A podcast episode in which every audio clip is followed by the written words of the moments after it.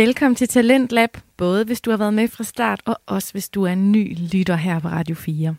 Jeg hedder Sati Espersen, og det er mig, som skal præsentere dig for de næste to fritidspodcast. Talentlab er nemlig det program, som sender alt det bedste fra podcastverdenen ud på FM-båndet til dig, der hører live radio om aftenen.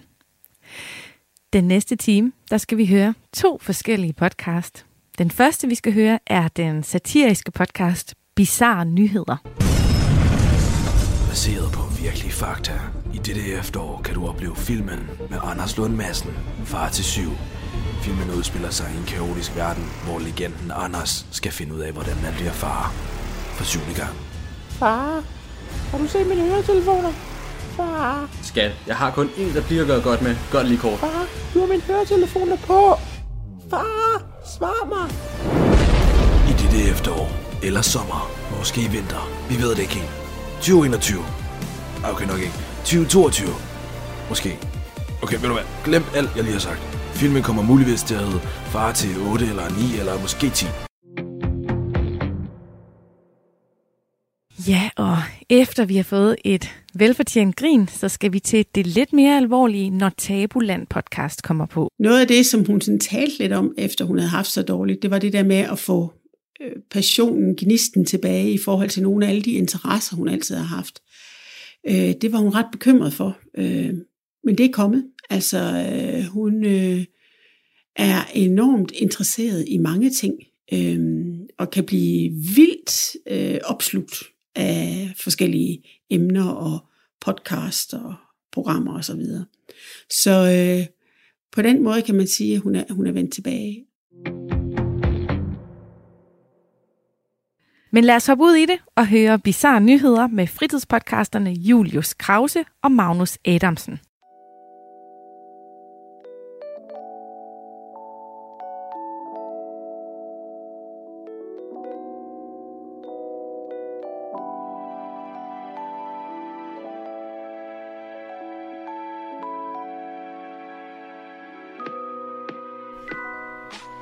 Du lytter til Bizarre Nyheder med Magnus Adamsen og Julius Krause. Goddag.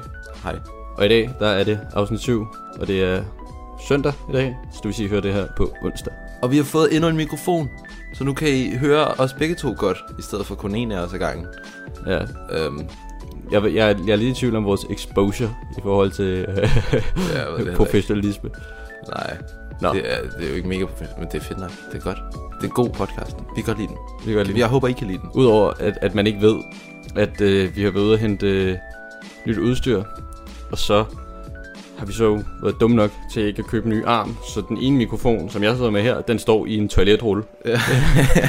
vi, vi prøvede også med en Pringles, men øh, ja, det fungerer ikke. Der var det metal smagte simpelthen og... så dårligt. ja, smagte af agurk. Hvad fuck foregår der for, at, at, at Pringles laver agurksmag? Hvad er det for noget mærkeligt Jeg ved noget? ikke, om det er til Sigge eller sådan noget. Har vi det stadig? Det var en limited edition, og thank god, fordi det er en limited edition. Limited, limited edition Sigge Flavor. Det er jo...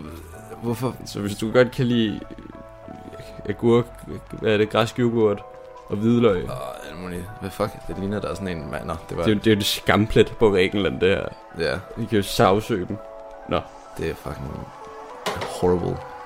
men endnu en gang et afsnit, og som du nok tænker, hvilket jeg godt ved, du ikke gør, så tænker du jo sjovt nok, de skal jo nok tage i gang med det her. Ja, Og jeg ved ikke, hvad du tænker, Magnus. ja det, lad os bare komme i gang. Lad På os, et eller andet tidspunkt. det er også meget hyggeligt at sidde Jo, det kan vi gøre også. Godt nok. Jeg ved ikke. Skal vi tage den? Yep. Yes, Magnus. Og den næste nyhed, den er fra Femina. Og her har vi at gøre med en dansk kær folkehelt, eller Jeg Ja. kan i hvert fald godt lide ham. jeg kan også godt lide ham. Han Jeg er, elsker ham. han er indbegrebet af, af Ja. sådan en barndom nærmest, ikke? Jo, Sådan næsten og- lidt hyggeonkelagtig. Og jeg elsker hans nye skæg. Nå, det der storhed der. Ja, kæmpe, kæmpe skæg. Jeg elsker det. Men det kan jeg sige, for det får han brug for, fordi den her nyhed, den er fra Femina, og titlen lyder Anders Lund Madsen, som det nemlig er. Jeg har været far, siden jeg var 26, og jeg har stadig ikke fundet ud af det. Anders Lund Madsen er lige nu aktuel i filmen Far til 4 og Vikingerne, hvor han spiller en terapeut, der skal hjælpe familien. Et job, han ikke mener, han vil egne sig til i det virkelige liv. Og nederst i artiklen er der jo så linket et interview med Anders Lund Madsen øh, igennem mediet rød løber, som Femina kalder det, øh, hvilket jeg går ud fra er en slags øh, nyhedsupdate øh, på kendte mennesker Ja, eller ja, celebrities. jeg også. Så jeg synes egentlig bare, at vi skal høre det her klip her, Jo. jo. og så se, hvad vi kan få ud af det. Her er, hvad Anders Lund Madsen han siger. Jeg har intet at gøre med øh, skuespilleriarbejde, og derfor er det en forbløffelse, ikke mindst for mig, at jeg har været med i en øh, ægte film, Far til fire vikingerne, hvor jeg ikke bare er med, også får lov at sige noget i det, jeg er sammen med sin Lindqvist. Okay, okay, prøv lige, prøv lige at stoppe den. Han er selv forbløffet over, at han får lov til at være med i den her film. Jeg er glad for, at han får lov til at sige noget. Ja, Lad os gå videre, inden vi siger noget dumt. jo, ja det er en god idé. øh, er vi to vikingeterapeuter, som redder familien, far og de fire børn og onkel Anders for at gå fuldstændig i smadre. Øh, med terapeutiske greb, og jeg skal ikke sige for meget andet, at det ender med, at det er en familie igen. Har han lige øh, exposed helt plottet? Ja, det tænker jeg, det tænker jeg også lidt. Jeg har jo faktisk set slutningen, fordi jeg, ender, eller jeg arbejder i en biograf, så jeg har set, hvad den ender med. Men uh, det vil jeg ikke sige, hvis der sidder nogle far til fire og vikingerne fans derude. Det er sjovt. De skal til øh, famili- i familieterapi. Ja, Det er virkelig sjovt. det der så kommer næst, tror jeg, er endnu sjovere til gengæld. Det er sjovt, hvis han sagde, at det, om det, det, det, jeg kan ikke sige for meget, men det lykkedes ikke, og far til fire er slut her. Der kommer ikke flere. Lad os køre. Og det ser lidt af vores fortjeneste. Kun fordi det står i manuskriptet. Kun fordi det står i manus. Øh, Anders Lund Madsen har jo ellers rigtig mange børn, så man skulle ellers tro, at øh, han har nogle erfaringer i forhold til at lege familieterapeut. Det er klart, at øh, jeg indehaver en stor familie. Øh, jeg har seks, snart syv børn. Og det gør jo, at øh, en enorm erfaring med øh, at gøre ting forkert i familier. Gør tingene forkert ved behjælpning af 6-7 børn. Og det gør jo også, at det giver en terapeutisk ballast til at, ligesom at sige, sådan her skal det ikke gøres. Øh, og der er jeg jo, altså jeg har været far siden 1989, hvor jeg var 26 år, og nu er jeg 56, og, og jeg er stadig ikke fundet ud af det. Så det er virkelig den dårligste terapeut at sætte tid. Det er også derfor, jeg er meget glad for, at jeg kan sige, at Signe er heldigvis. Hun har et barn, og det er fuldstændig perfekt. Altså mine børn er også perfekte. Det er bare ikke min skyld. Du lytter til Radio 4. Okay. Ja. Her er, hvad du ikke skal gøre. ja, det her, det er no, what not to do. Det er virkelig... Jeg har syv børn, øh, så jeg ved, så jeg er virkelig dårlig terapeut, men jeg ved også, hvad du ikke skal gøre, fordi at jeg gjorde det nemlig forkert. Det er godt, man kan lære sit fejl. Måske Syv. lige lære af dem, inden man får det, får det fjerde barn, måske. Men altså, syv børn, far siden 26, jeg kan stadig ikke finde ud af det. jeg ved ikke, det, det kan også være, det går galt gang på gang. Det er måske derfor, han har syv. ja, altså prøver det igen. Sådan, Ja. ja. Måske kan det her, det her barn lige få til at fungere. Nej, okay. Ja, okay, jeg kan ringe lige til Signe Lindqvist, hendes barn er fuldstændig perfekt. Perfekte øh, specimen. Ja, det, det, det virker lidt... Det er også det tavligt at sige, ikke? For sådan noget. For det virker lidt som om, han er, han er gået for kvantitet over kvalitet. Det er i hvert fald jeg ville virkelig være ked af det, hvis det var min far, der sad... Jamen, jeg har syv... De er også, de er også ja, de er perfekte. Men Sines, hun er helt perfekt. Jeg står bare ikke, hvordan man kan være en familie på syv børn. Det må altså være voldsomt. Det, det, og så en far, der ikke rigtig kan finde ud af Jeg kan ikke, jeg kan ikke sige noget om, hvad far. Men altså, Nej. det kan vi jo sige i vores sketch. Det kan vi i hvert fald. Jeg håber ikke, jeg kan sige noget om, hvad far. Så er der i hvert fald noget, jeg ikke ved. Ja, også mig. Ja.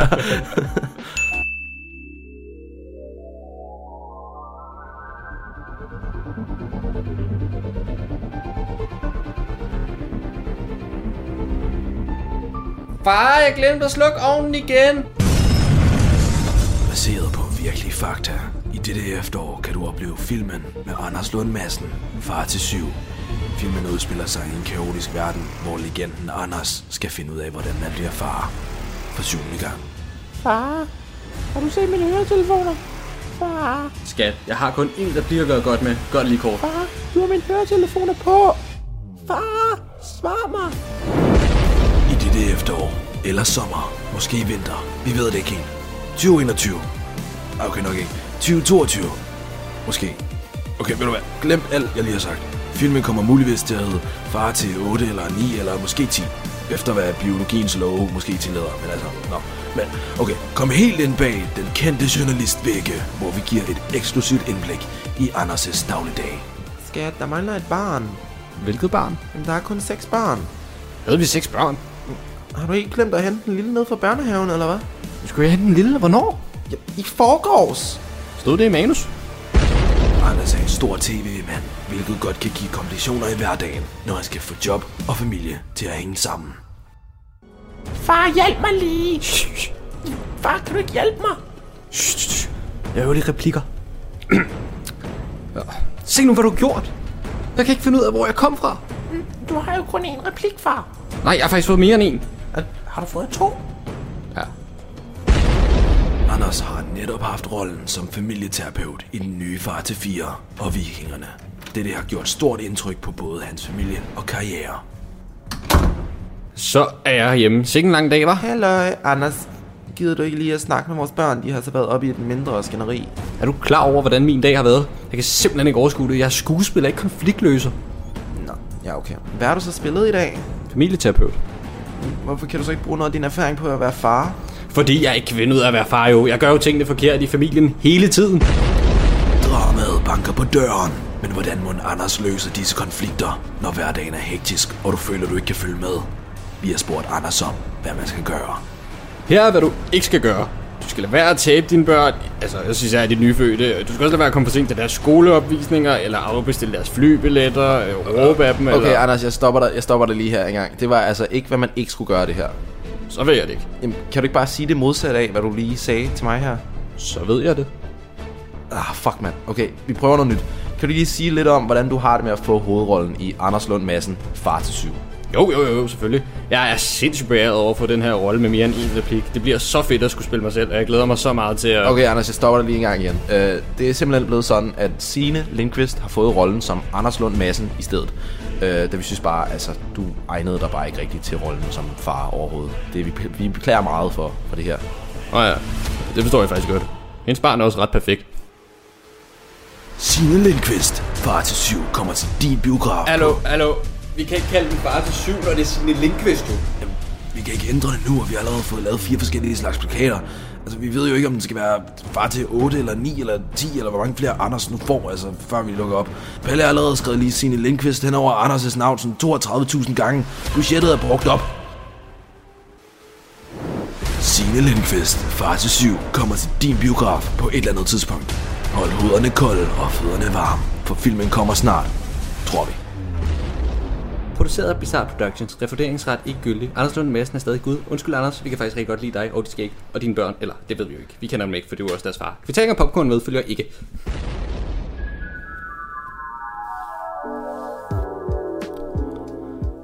Nå, den næste her, den kommer fra Lad Bible, og jeg synes, den er ret mærkelig og rimelig sindssyg egentlig. Øh, det omhandler en toårig pige, som allerede kan stå på skateboard og snowboard og surfboard.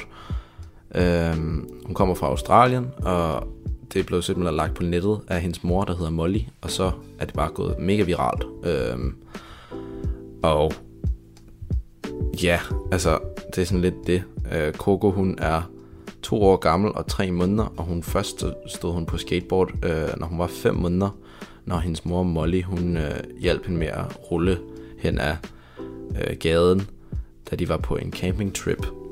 Øhm, og siden da, der har Coco altså embraced det her med at skateboard og skate og snowboarde, og øh, hendes mor, hun siger, at hun, altså, hun skinner bare, når hun står på det her skateboard, og når hun gør sine ting, hvilket hun bare synes er mega fedt. Ja, okay. Det er, Øhm, det er jo så igen det her med folk, der er meget imponeret over deres egne børn.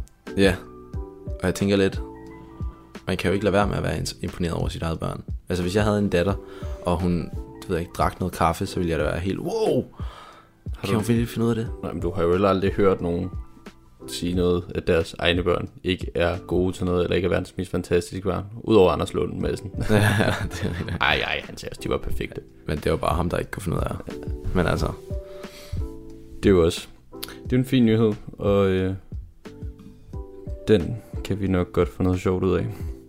ja. Tillykke med datteren, Molly. Her er hun. Uh, ja, py tak. Jamen, jeg ved allerede, hvad hun skal være allerede nu, altså. Nå, er det ikke lidt tidligt? Hun skal være skateboarder. Ej, jeg tror lige, du skal vente lidt med... Ej, hvad snakker du om? Altså, jeg tror ikke, det er sikkert at sige. Du ved ikke, hvad du snakker om. Har du nogensinde stået på et skateboard eller noget? Ja, jeg har stået et par gange, men altså, der faldt jeg over. Ja, så er du jo også mega forfærdelig til at skate, ikke? Jeg er i hvert fald ikke god til det, kan jeg sige. Øh, Lige præcis. Og min datter kommer til at være perfekt til at stå på skateboard og snowboard. No, hvor er hun bare sød. Jeg må hellere få et Insta-billede. Nå ja. Yeah. Ej, men altså, hun ligner jo dig. Hvad mener du, det er en baby? Okay, nu er du blevet 5 måneder, lille skattemus. Så kan du altså lære at stå på skateboard og så videre. Okay, nu sætter jeg dig lige op her, og så skal du bare køre afsted. Ikke også, lille i musse? Ja, sådan! Den ruller! Nej, hvor er det sødt! Oh, oh shit. Okay, skat. Nu er du vist klar til at stå på snowboard. Øhm, er det ikke lidt uforsvarligt, det her? Hey du, du skal bare passe dig selv. Min datter, mit ansvar. Ja, ja, det ved jeg godt, men du er godt klar over, at der er to kilometer ned ad den her piste, ikke? Ja, hey, jeg har stået på snowboard i mange år. Jeg ved udmærket godt, hvor langt der er ned ad den her bakke. Og ved du hvad? Jeg har stået på snowboard, da jeg var gravid med lille Coco her. Så du skal bare holde kæft, du. Okay, så lad gå. Okay, sådan, Coco. Så skubber vi dig lige ned af sted her. Så. Kør så, Coco. Sådan. Er du, er du fuldstændig sikker på det her? Ja. Åh, oh, shit. Okay, skat. Nu er det nu. Den store dag. Det er tid til, at du skal surfe. Og så husk, du har din første svømmetræning i morgen, så du kan komme til OL hurtigst muligt. Sådan. Yes, det går jo fantastisk det her. Hvis du bare lige gider rejse dig op og holde balancen for første gang, så slår vi jo også to fluer med et smæk.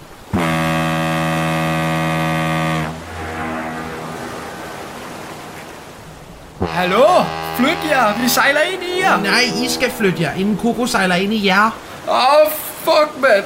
Åh, oh, der er et spontant isbjerg. Jeg troede kun, de fandtes i filmer langt væk fra kysten. Fuck, ah, Lars. Jeg troede aldrig, det her ville ske. Nu er det tid. Nu er det tid til at bruge din årstræning. Du ved, hvad du skal gøre, Lars. Jamen, jeg ved ikke, om jeg kan gøre det. Jeg ved, du kan, Lars. Jeg tror på dig, Lars. Kun du kan gøre det der. Der er ingen andre, der kan i sandhed kan spille. Du er i sandhed min bedste ven nogensinde. Okay, jeg gør det for dig, så. I alle disse år. Jeg vidste, du kunne spille violin, Lars. Og så på det helt rigtige tidspunkt. Jeg er så stolt, Lars. Rose, det skal nok gå det hele. Det her det er Titanic-skibet. Det synker ikke. Jack, jeg elsker dig. Jeg elsker også dig, Rose. Hop, Rose! Jack, der er altså plads. Du kan godt ligge heroppe. Nej, Rose. Jeg vil sådan ønske, at My Heart Will Go On ville spille lige nu, men vi må ikke bruge den på grund af copyright, så det er derfor den her mærkelige violinmusik noget spiller lige nu. Jack, Jack, se, der er en båd. Ja, hallo? Ja, hallo, vi ligger her. Jeg tror, Jack er død. Skynd jer. Hvem fuck er Jack? Okay, lærer de Coco at surfe her? Må vi komme med op på surfboardet? Nej, altså, der er, svært. der er kun plads til to, desværre. Okay, vi ses. Hej. Nej, vent, hallo. Nej! Nu skal vi over i et politisk segment. TV2 Lorry skriver nemlig, Mette F. vil give bøde på 10.000 kroner for brud på nyt opholdsforbud. Det vil koste en bøde på 10.000 kroner at bryde opholdsforbud. Anden gang vil det koste 30 dages fængsel. Politiet skal fremover kunne indføre et opholdsforbud for en hel gruppe af personer, der skaber utryghed ved for eksempel S-togstation eller en parkeringsplads. Det siger Mette Frederiksen i sin åbningstale for Folketingets talerstol. Mette Frederiksen siger selv, der hvor kriminaliteten får fat, skal politiet slå ned. Nu foreslår regeringen, at det sker med mere konsekvens, siger Mette Frederiksen. Som det er i dag, kan politiet forbyde enkelte personer at komme i særlige områder, f.eks. et bandemedlem. Det er fint, men hvad nu, hvis resten af gruppen stadigvæk er der? Fremover skal politiet derfor kunne indføre et egentligt opholdsforbud for alle personer på bestemte steder i en begrænset periode. Stor bøde. Hvis opholdsforbud ikke overholdes, skal det koste 10.000 kroner første gang. Hvis en pågældende har en gæld til det offentlige, det kan fx være ubetalte regninger for, eller for tidligere kriminalitet, skal politiet kunne tage jakke, ure, guldkæder og mobiltelefoner med det samme, siger Mette Frederiksen. Bliver opholdsforbuddet overtrådt endnu en gang, skal straffen være 30 dages fængsel. Mette Frederiksen siger på tirsdagens åbningstale i Folketinget, at kriminelle hurtigere skal kunne sættes ud af deres boliger. I nogle tilfælde går der flere år, fordi sagen om udsættelsen først skal behandles, efter at selve lovovertrædelsen er behandlet i det straffe, strafferetlige system. Det vil vi lave om, siger hun. Så vi har simpelthen at gøre med, at Mette Frederiksen har præsenteret et lov, lovforslag, der gør, at hvis du er en gruppering, øh, så kan du fryse rigtig meget. Ja, ja. det er jo sådan lidt, hvad vi tager væk fra det her. Eller sådan tage take away fra hele den her nyhed. Ja, el- ja, politi nu skal have, øh, hvad hedder det? Jamen, jeg elsker bare... Endnu en øh, øh, skill at kunne dømme, om det er et Gucci-ur, eller... ja, men det, var, det havde dit indslag om. Jeg elsker bare ideen om, at, at hvor, hvor gør de af tøjet, og ønsker Mette Frederiksen sig selv en klærejak. Jamen, den, er, den tager vi lige væk, den der. Det er, Den også, er. det er også meget vildt at kunne tage folks tøj. Altså, altså kunne man ikke tage noget andet, eller straffe på en anden måde? Ja, det er rigtig nok. Så skulle man ikke bare lave et go? Problemet er bare, at vi kommer til at have en hel masse forkølede bandemedlemmer hele vinteren. Ja, det... Øh, Kør den.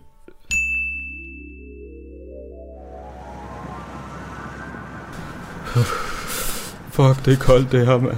Ja, jeg kan slet ikke klare det mere, mand.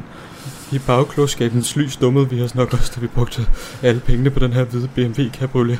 Ja, men, men i det mindste kan vores stereoanlæg spille sindssygt højt. Okay, lad os prøve at få tankerne væk fra, at vi sidder her i underbukser, fordi politiet har beslaglagt vores tøj. Hvad med musik? Ja, musik. Okay, hvilken musik vil du høre? Hvad? Hvad for noget musik vil du høre? Hvilken musik? Ja? Findes der andre former for musik? Okay, bro, never mind. Jeg sætter bare noget tilfældigt på. Gin og skies, så vi kan købe en pejs. For verden er så is, is, is, kold, kold, kold, kold, kold. Bro, jeg tror, at øh, jeg, kunne, jeg tror, at jeg begynder at forstå, hvad de her sange handler om. Okay, vi prøver noget andet. Vi venter nu på Mette Frederiksen, der om et kort øjeblik vil indlede det her pressemøde. Her kommer så Danmarks statsminister. Tror jeg. Uh, det ligner lidt, at hun reflekterer kameraets blitz med guldkæder. Statsministeren har til synlædende ændret sin tøjvalg, siden vi så hende sidste gang. Ja, Mette, hvad, hvad du har i mavetasken? Jamen, det er ikke så meget. Jeg har lige været hos øh, Frie Grønne sammen med Uffe og Sikandar til et lille møde, forstår du? Men Mette, er det ikke lige overkanten at beslaglægge folks tøj, hvis de ikke ejer 10.000 kroner? Det er jo grupperinger og bander, der udøver kriminalitet og stjæler folks ejendele. Ja, okay. Vi går videre så. Må jeg lige spørge dig om din øh, tøjstilsskifte her? Er det grundet, at man som borger skal ud og bruge penge, så vi kan få gang i økonomien igen, eller hvordan? Nej, desværre. Det har jeg ikke lige haft tid til. Jeg var bare lige nede i glemmekassen. Er du sindssyg, mand? Nogle vilde ting, man kan få. Det er desværre først til mølle. I skal se Ingers nye Saint Laurent sneakers. Det ville jeg fandme gerne have fået først. Øh, så har alle jer politikere fået en øh, fed klemmekasse med dyrt tøj, eller hvordan? Ah, ikke alle politikere. Jeg hørte, at Mortens 10 år gamle glemmekasse ikke var den fedeste. Ikke flere spørgsmål, tak. Nu vil jeg semi-statsminister Søren Brostrøm tage ordet.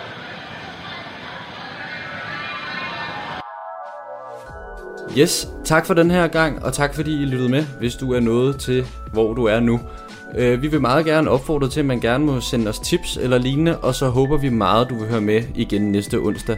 Ja, så hvis du har nogle øh, gode nyheder derude, så please send dem ind til vores øh, Instagram, eller DM den, eller til vores mail, bizarnyheder.gmail.com, eller bizarnyheder på Instagram. Så skal vi nok teste fingrene af os selv, og hvad vi nu ellers laver.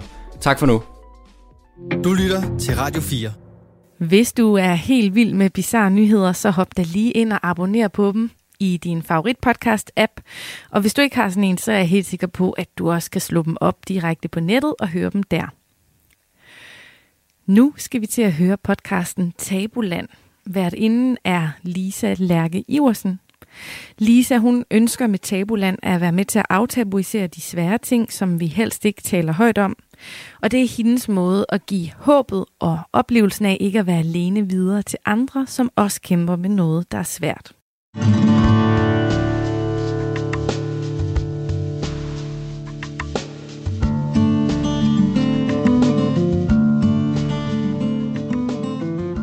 Du lytter til Tabuland, en podcast, som tager dig med ind bag de polerede billeder på Facebook og Instagram.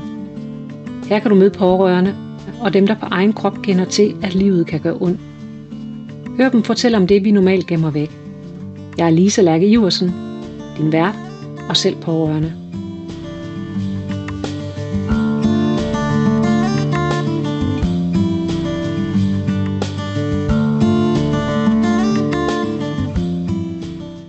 Det her er anden og sidste del af Annemettes fortælling om at gå fra et spændende arbejdsliv som antropolog til et godt liv på førtidspension. Første del af hendes fortælling sluttede der, hvor hun har det så skidt, at hun kun kan holde sammen på sig selv ved at ligge på badeværelset og fokusere på fugerne rundt om badeværelsesfliserne. Kort tid efter er det nytårsaften. En aften Anne Mette og hendes kone Lena traditionen tro holder sammen med to andre vennepar. Blandt andet med Lene og Lenes mand Henrik. Altså hende Lene, som er Anne Mettes gode veninde, og som jo også er min gode veninde, helt tilbage fra dengang vi læste antropologi sammen. I har jo altid holdt nytårsaften sammen Mm. med Lena Ja, og Henrik og nogle det andre er venner. rigtigt. Øh, altså igennem rigtig, rigtig mange Ja. år. Der var et, et, en, Ja. et år, for, Ja. hvor, hun, hvor hun var enormt Ja. ked af det, og Ja. kom og sagde, at hun havde simpelthen brug for at snakke, fordi I havde Ja. holdt nytårsaften, og du havde været Ja. så dårlig, Jamen, det er at hun var rigtigt. simpelthen var ved at give til at græde over det, Ja. simpelthen, ikke? og var så bekymret for dig, kan jeg Ja. huske. Ja, der havde jeg det også virkelig dårligt. Jeg tror, det var det, det, var det år der, eller det har det været. Jeg var, og det var, ja, jeg kunne jo ikke holde den aften, der jeg måtte lægge mig, og jeg var, jeg var jo lukket helt ned, og det der med, at vi var jo også, vi var jo nogle stykker omkring bordet der, jamen jeg var slet ikke lige fit for fight der overhovedet ikke, og det, ja, det var, det var en trist aften for mig. Ja. Ja, det var, ja. Det er rigtigt. Det var ikke, det var ikke, det, der havde jeg det ikke ret godt. En skidt nytårsaften for Anne Mette, og selvfølgelig også for Lena. Men også for Lene, Lenes mand Henrik og det tredje par den aften. Vi er altid seks venner, der er samlet nytårsaften, og det er trygt og rart. Jeg tror, vi har haft 25 års jubilæum. og Anne Mette, øh, den, den nytårsaften, havde hun det bare ikke ret godt. Hun øh, var med, og havde fået pænt tøj på, taget pænt tøj på, øh, men hun var fuldstændig blottet for mimik, da hun satte sig til bords. Og hun var helt stille, og havde det rigtig, rigtig, rigtig skidt, kunne man se. Det der med, at hun ikke rigtig kunne... Øh, altså almindeligvis, så, så smiler han med det og griner, og som siger, vi har pjattet meget. Hun var fuldstændig død i, i ansigtet, øh, og havde det tydeligvis rigtig, rigtig, rigtig dårligt. Og jeg tror, noget af det eneste, hun sagde, mens vi sad ved bordet, det var, at hun på et tidspunkt kigger over på, på min mand Henrik og siger, sikke et smart sæt tøj, du har på, Henrik. Og det var det. Det var det. Ja.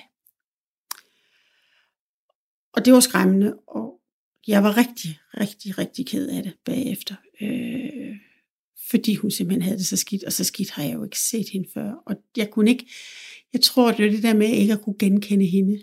Altså, øh, jeg synes næsten uanset, hvor dårligt hun har haft det førhen, så jeg altid kunne genkende min Anne med det. Kunne jeg ikke der. Der var hun simpelthen ikke til stede. Og øh, jeg var bare ked af det bagefter. Og det, vi talte meget om på vej hjem i bilen, og vi talte også om det dagen efter, hvor, hvor, hvor trist det var at se hende på den måde. Altså, vi kunne simpelthen ikke forestille os andet, vi, vi, vi, andet nytårsønske, end, end at, at, at vi fik Anne Mette tilbage igen, fordi hun var, hun var, hun var helt væk. Meget apatisk, helt uden, helt uden, helt uden udtryk. Kan du huske, hvad der Henrik snakker om, altså, da I sad der i bilen på vej hjem? Jeg tror, jeg græd lidt. Jeg tror, jeg var, jeg, jeg, var, jeg var ret berørt af det, og jeg tror, det der med, at man ikke ser hinanden lige hele tiden, og så øh, var, det, var det bare så trist. Det var simpelthen bare så trist at se. Her hvor Anna Mette har det aller værst, og hvor tankerne mylder og mylder, kommer Anders Lund Madsen og Anders Breinholt til at spille en vigtig rolle i hendes kamp for at få det bedre. Måske du husker de to for det populære og ret kakkede radioprogram på B3, De Sorte Spejdere. Jeg kunne ikke overskue selv de mest simple ting. Øhm,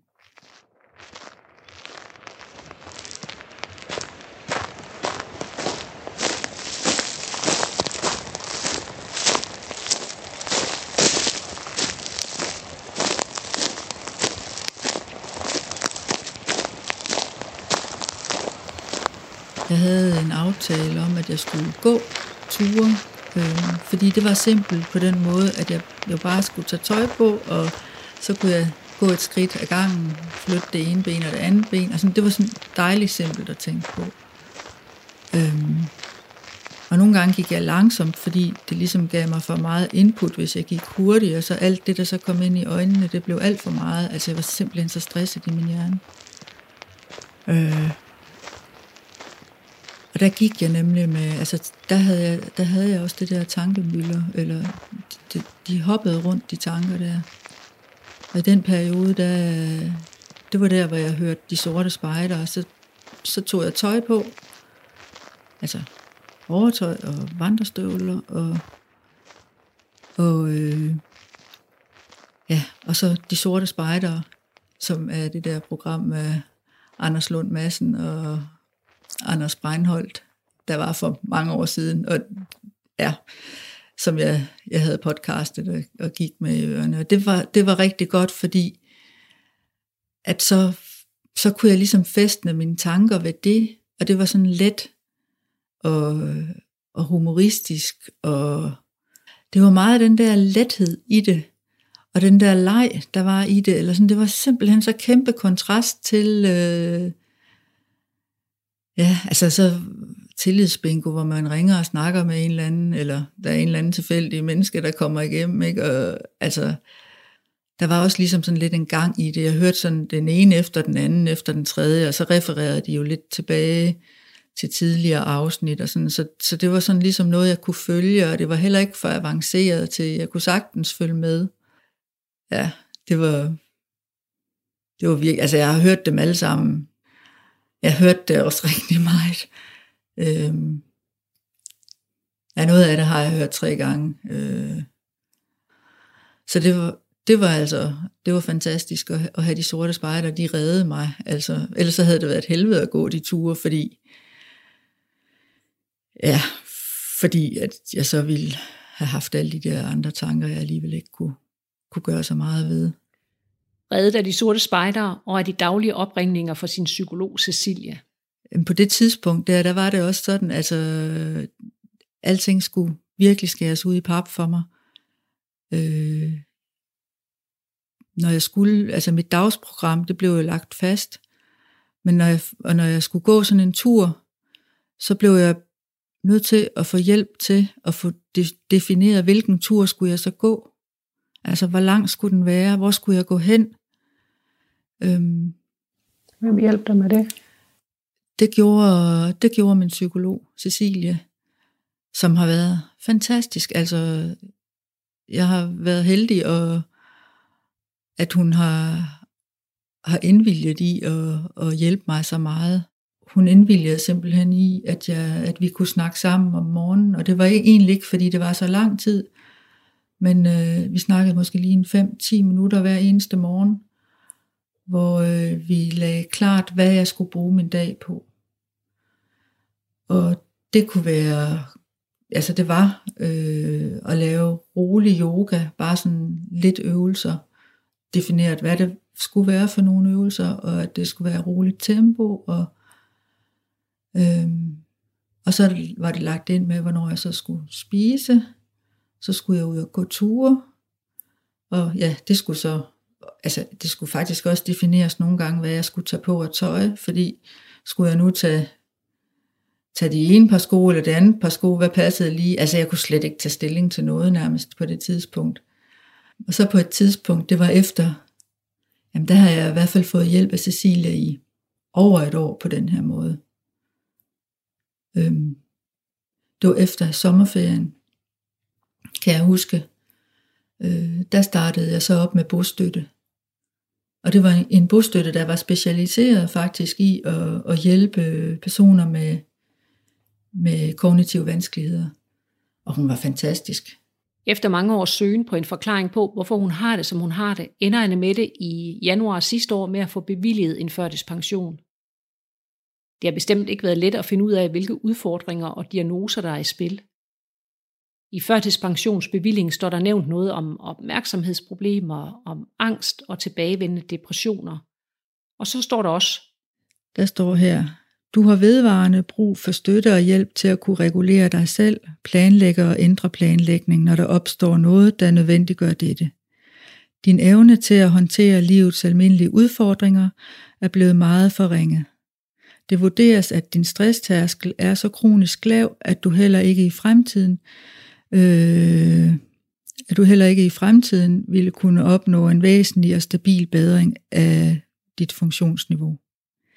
En væsentlig forskel fra dengang du var i flexjob til nu er, at dit behov for støtte er blevet større, og din kapacitet er blevet mindre. Der er ikke nogen behandlingsmuligheder eller nogen former for udredning, der vil kunne ændre på dit funktionsniveau. Du har brug for et liv, der er præget af ro, stabilitet og overskuelighed. Det er vigtigt, at du ikke bliver stresset, da det kan forværre din tilstand yderligere. Du skal fortsætte med din medicinske behandling, samt øh, samtaler med bostøtte og samtaler med psykolog.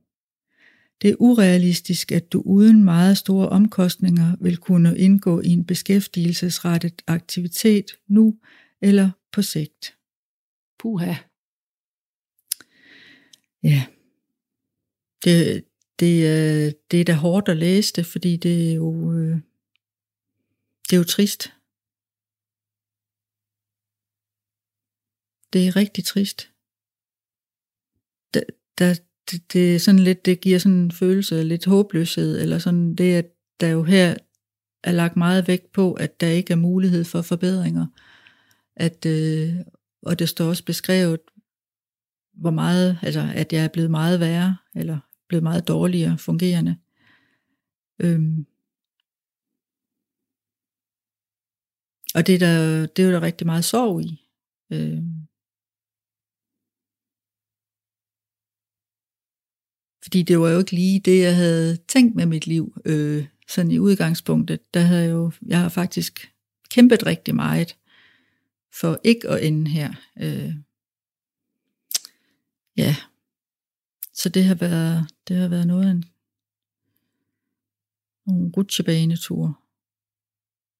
Jeg var heller ikke, jeg var ikke lettet, eller jo på en måde var jeg selvfølgelig lettet, men det var mere over, at forløbet var slut, da jeg fik min førtidspension. Men det var ikke sådan, juhu, nu skal jeg bare, det var det simpelthen ikke. Det var bare sådan, okay, nå. Ja, men nu skal jeg da så ikke til flere møder, nu skal jeg ikke afprøves mere. Det var dejligt. Det var, det var helt vildt dejligt. Men, men, det, men det at skulle indrette sig som førtidspensionist og tænke sig selv som førtidspensionist, det, der er noget, øh, der er jo både skam og sorg, og øhm, det er ikke fedt ikke at kunne være selvforsørgende, og det, og det er ikke at have et, altså ikke at kunne arbejde, det, jeg var jo helt vildt glad for mit arbejde. Bortset fra, at, det jo, at jeg så ikke kunne det, så, men, men, men, øh, men jeg var jo meget glad for det. Men jeg ved jo godt, at jeg ikke, at jeg ikke kan det. Øh, men der er meget sorg i det. Radio 4 taler med Danmark.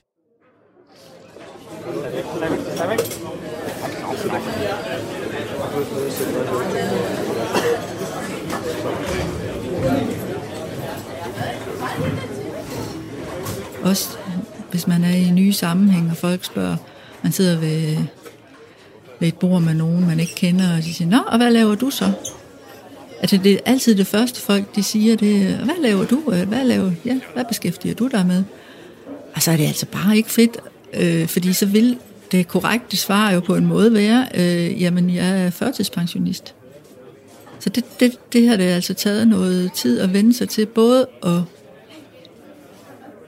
både det der med at, altså det er vel noget identitetsarbejde egentlig, altså finde ud af, hvad, hvem er jeg så nu? Nu er jeg jo ikke øh, det, jeg var før. Nu er jeg jo så det der førtidspensionist noget. Hvad er det så egentlig, jeg er? Øhm, Hvad svarer du i dag så, når folk spørger? Jamen, det kommer an på sammenhængen. Øhm, så jeg siger faktisk tit, at jeg er førtidspensionist. Eller nogle gange siger jeg, jeg, jeg måtte desværre ende med en førtidspension, men øh, jeg har det godt, og øh, det, der optager mig, er sådan og sådan. Og nogle gange, så siger jeg det ikke. Øhm, så siger du hvad? Jeg er antropolog. Ja, for eksempel. Ja, så kan jeg sige det. Men det bliver hurtigt noget bøvl. Altså, det gør det. Øhm.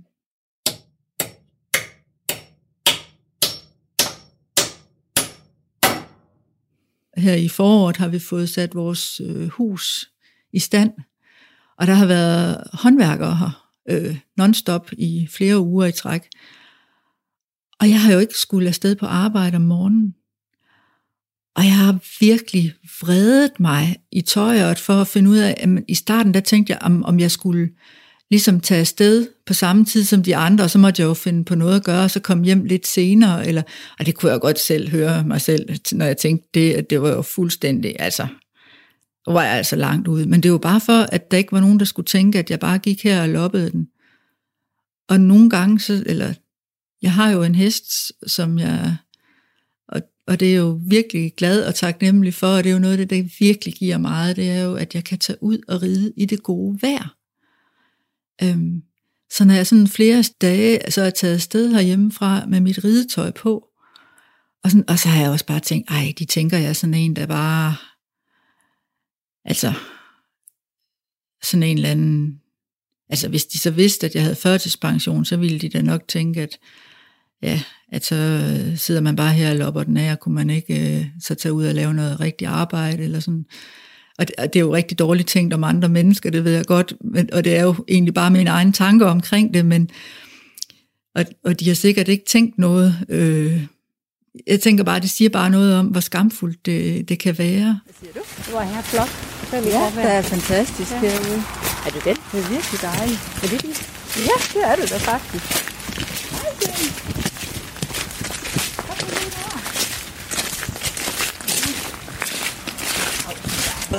Og nu skal du ikke rende væk, Sind. Sind, sind, sind. Nej, jeg tror lige, jeg skynder mig at tage grimen, for ellers Ja, ja, smutter hun helt ned. Det kunne da være fedt, hvis vi undgik, at det kunne lide.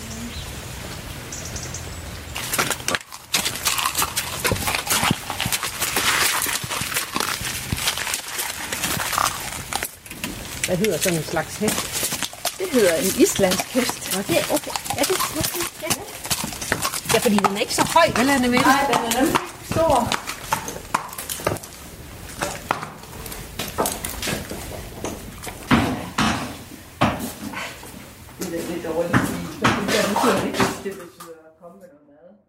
Måske du kan høre, at jeg nu har taget med Anne Mette ned i stallen. Ned til der, hvor hendes islandske hest, der hedder Sind, står. Det vi to snakkede sammen, så sagde du også, at du havde faktisk ligget lidt søvnløs, fordi at jeg havde fortalt dig, for mig var det også lidt vigtigt, at det var en, altså tabufortællinger Mm. i, i podcasten, som på en måde skulle rumme noget håb. At du Ja. var blevet i tvivl om, Ja, om jeg er der egentlig- nu håb i min Mm. historie? Mm. Ja. Ja, og, og det er der jo. Og det er der jo på den måde, men altså, men, men det er jo ikke sådan, men sådan er det jo nok også med de færreste liv. Altså, det er jo ikke sådan uh, happy ever after. Øh, at det er mere, at nu, altså, hvis jeg skal sige sådan, så, så nu der lever jeg et stabilt liv. Jeg har det der med et liv, der er præget, som der står her i, i, øh, i min bevilling af førtidspension, at mit liv det er præget af ro, stabilitet og overskuelighed. Jeg bliver ikke stresset, eller det vil sige, det må jeg ikke blive. Så det bliver jo så lidt alligevel en gang imellem, men så, men så må jeg tage en dag ud, altså, og det kan jeg jo gøre nu. Øhm, så, så på den måde har jeg det jo bedre, end jeg har haft det i mange, mange år, fordi jeg ikke, min kamp er slut. Altså, jeg hænger ikke med det yderste af neglene mere, for at, at holde mig fast øh, i drømmen om et, øh, et liv med et arbejde, eller et drøm om et, en drøm om et normalt liv med spændende opgaver, eller med, hvad er det nu? Nu, nu er jeg ligesom her, og det er ligesom, bum, ja, og hvad kan jeg så? Så nu er min udfordring at, at ride ud på dage med solskin i godt vejr, uden at have dårlig samvittighed over det, og så i stedet for at prøve at være taknemmelig over, hold op, det her, det kan mit liv nu. Øhm. Du lytter til Radio 4. Altså så, så, sådan en dag, hvor solen skinner, og, og du kan gå ned i stallen og hoppe op på hesten Ja. og ride langs stranden. Ja. Det er jo, det er jo fantastisk, altså. Det, og det samarbejde, jeg har med hesten og naturen, og ja, det er jo fantastisk. Det kan jeg jo.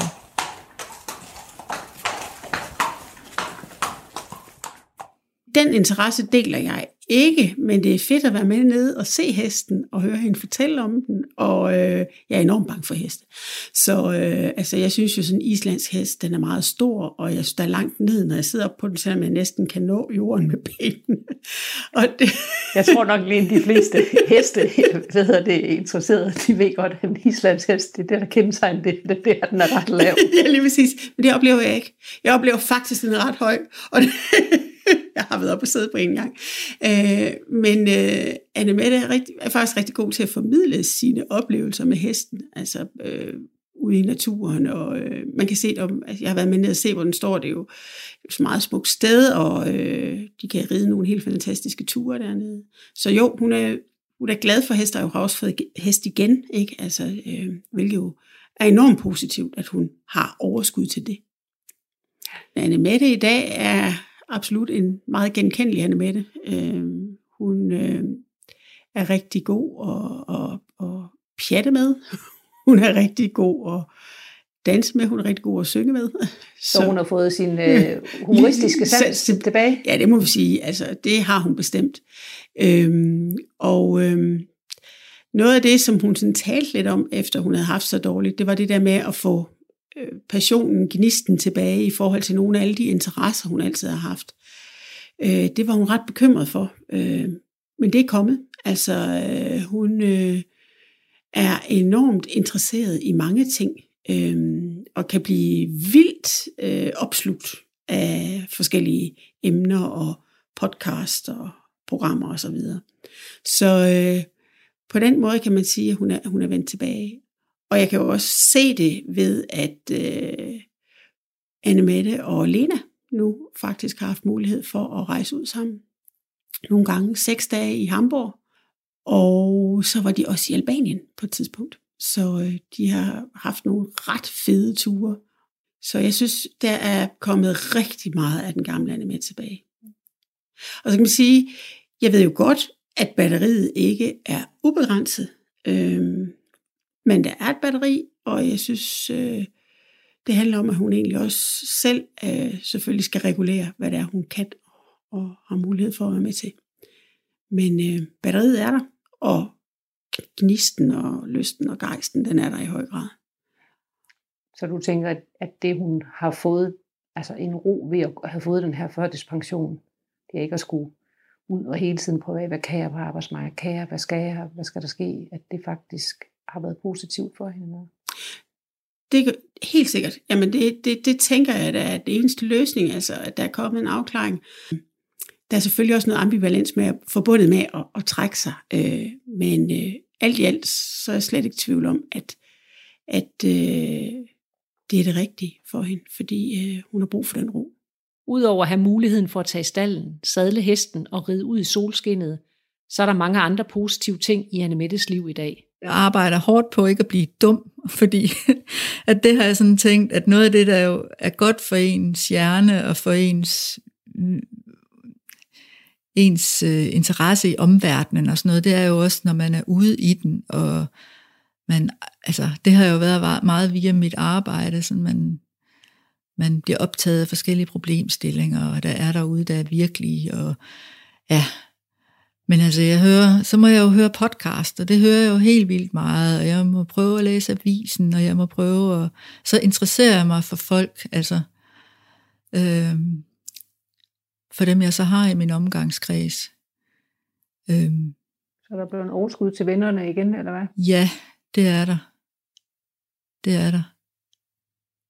Det handler om at leve et liv, og ikke at vinde en krig. Det har jeg læst en bog en gang, hvor der stod. Og det synes jeg simpelthen er det, der er. Det handler om at leve et liv. Det handler ikke om at vinde en krig. Altså, det passer meget godt på mit liv. Øhm, og nu der prøver jeg så at leve mit liv. Og, og så er jeg glad for de ting, jeg, jeg kan. Og jeg er glad for at kunne være der, for, eller være til stede der med det, der er det vigtigste. Og det er min familie, og det er mine venner.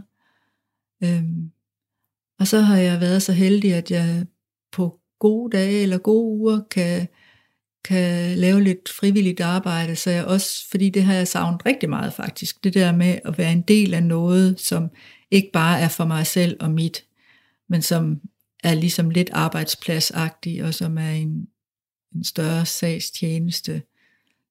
Så på den måde synes jeg faktisk, at jeg har nået frem til at få et balanceret liv, og det er for mig et godt liv. Og det tænker jeg, det er håbet i det. Hej Helle. Hej, hej, hej. Det er fordi, jeg er med i sådan en, et podcast. Hej. Ting. Ja. Så det er Ja, det Lisa. jeg Jamen, det Hej. skal du da også bare. Jeg havde- jeg havde det har vi, der. Ja, har vi ja. snakket om, at der nok... Ja. Ja. Mm. Ja, ja. Så. Men så mangler vi lige det sidste, og så skulle vi have lidt real lyd herude fra stallen. Ja, Ja, lige det var præcis, det. ja, ja, ja. Så nu Så skal jeg vi- lige se, jeg håber det holder op med at regne, fordi så vil jeg tage ud og ride, og så kunne jeg jo lige sadle hende op, så vil jeg lige tage hende i tølt hen over, hvad hedder det, vejen ud. Har du det? Ja, det var det fedeste. Ja, den lyd, det må give, Ja, ikke? Ja, jo. ja, ja, ja. Ja. Ej, og vi skulle jo egentlig bruge det til noget lyd, som ligesom skulle underbygge, at Mette fortæller om det fede ved, når solen skinner, og man kan gå ned i stallen og hoppe op på sin hest og ride ud i solskinnet. Ja. Hej. Ja, i hej, lige måde. Hej. Ja, det håber gør vi. vi, ja.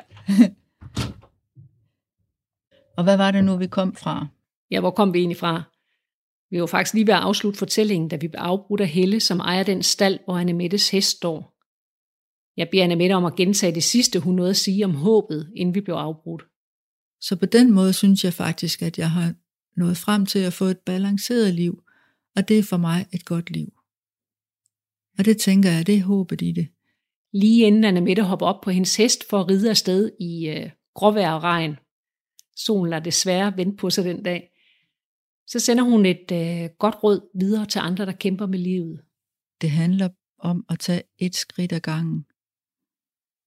Og så, og så virkelig tage et skridt ad gangen i det tempo, som du selv kan.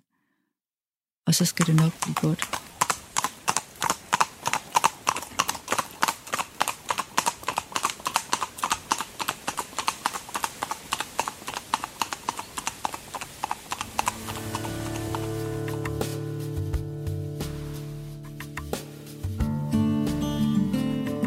Du har lyttet til anden og sidste del af Anne Mettes fortælling i min podcast Tabuland. En podcast, der sætter ord på de tabuer, vi normalt gemmer væk. Anne Mettes fortælling er en fortælling om, hvordan hun gik fra et spændende arbejdsliv som antropolog til faktisk at få et godt liv i balance på førtidspension.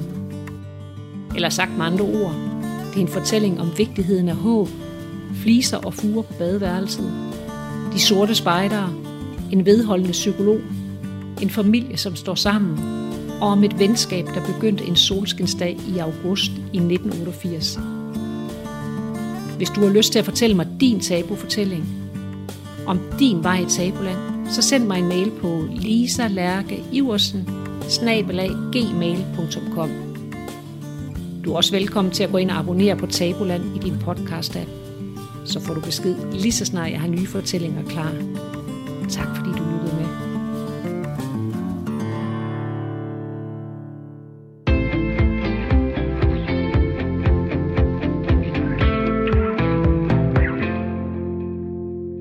Tak fordi du lyttede med på Talentlab her på Radio 4. Og her i rulleteksterne vil jeg også sige tak til de talentfulde fritidspodcaster. Jeg hedder Sati Espersen. Find din telefon frem, hvis du gerne vil snakke med nattevagten, som er på om lidt. Jeg ønsker dig en dejlig lytten.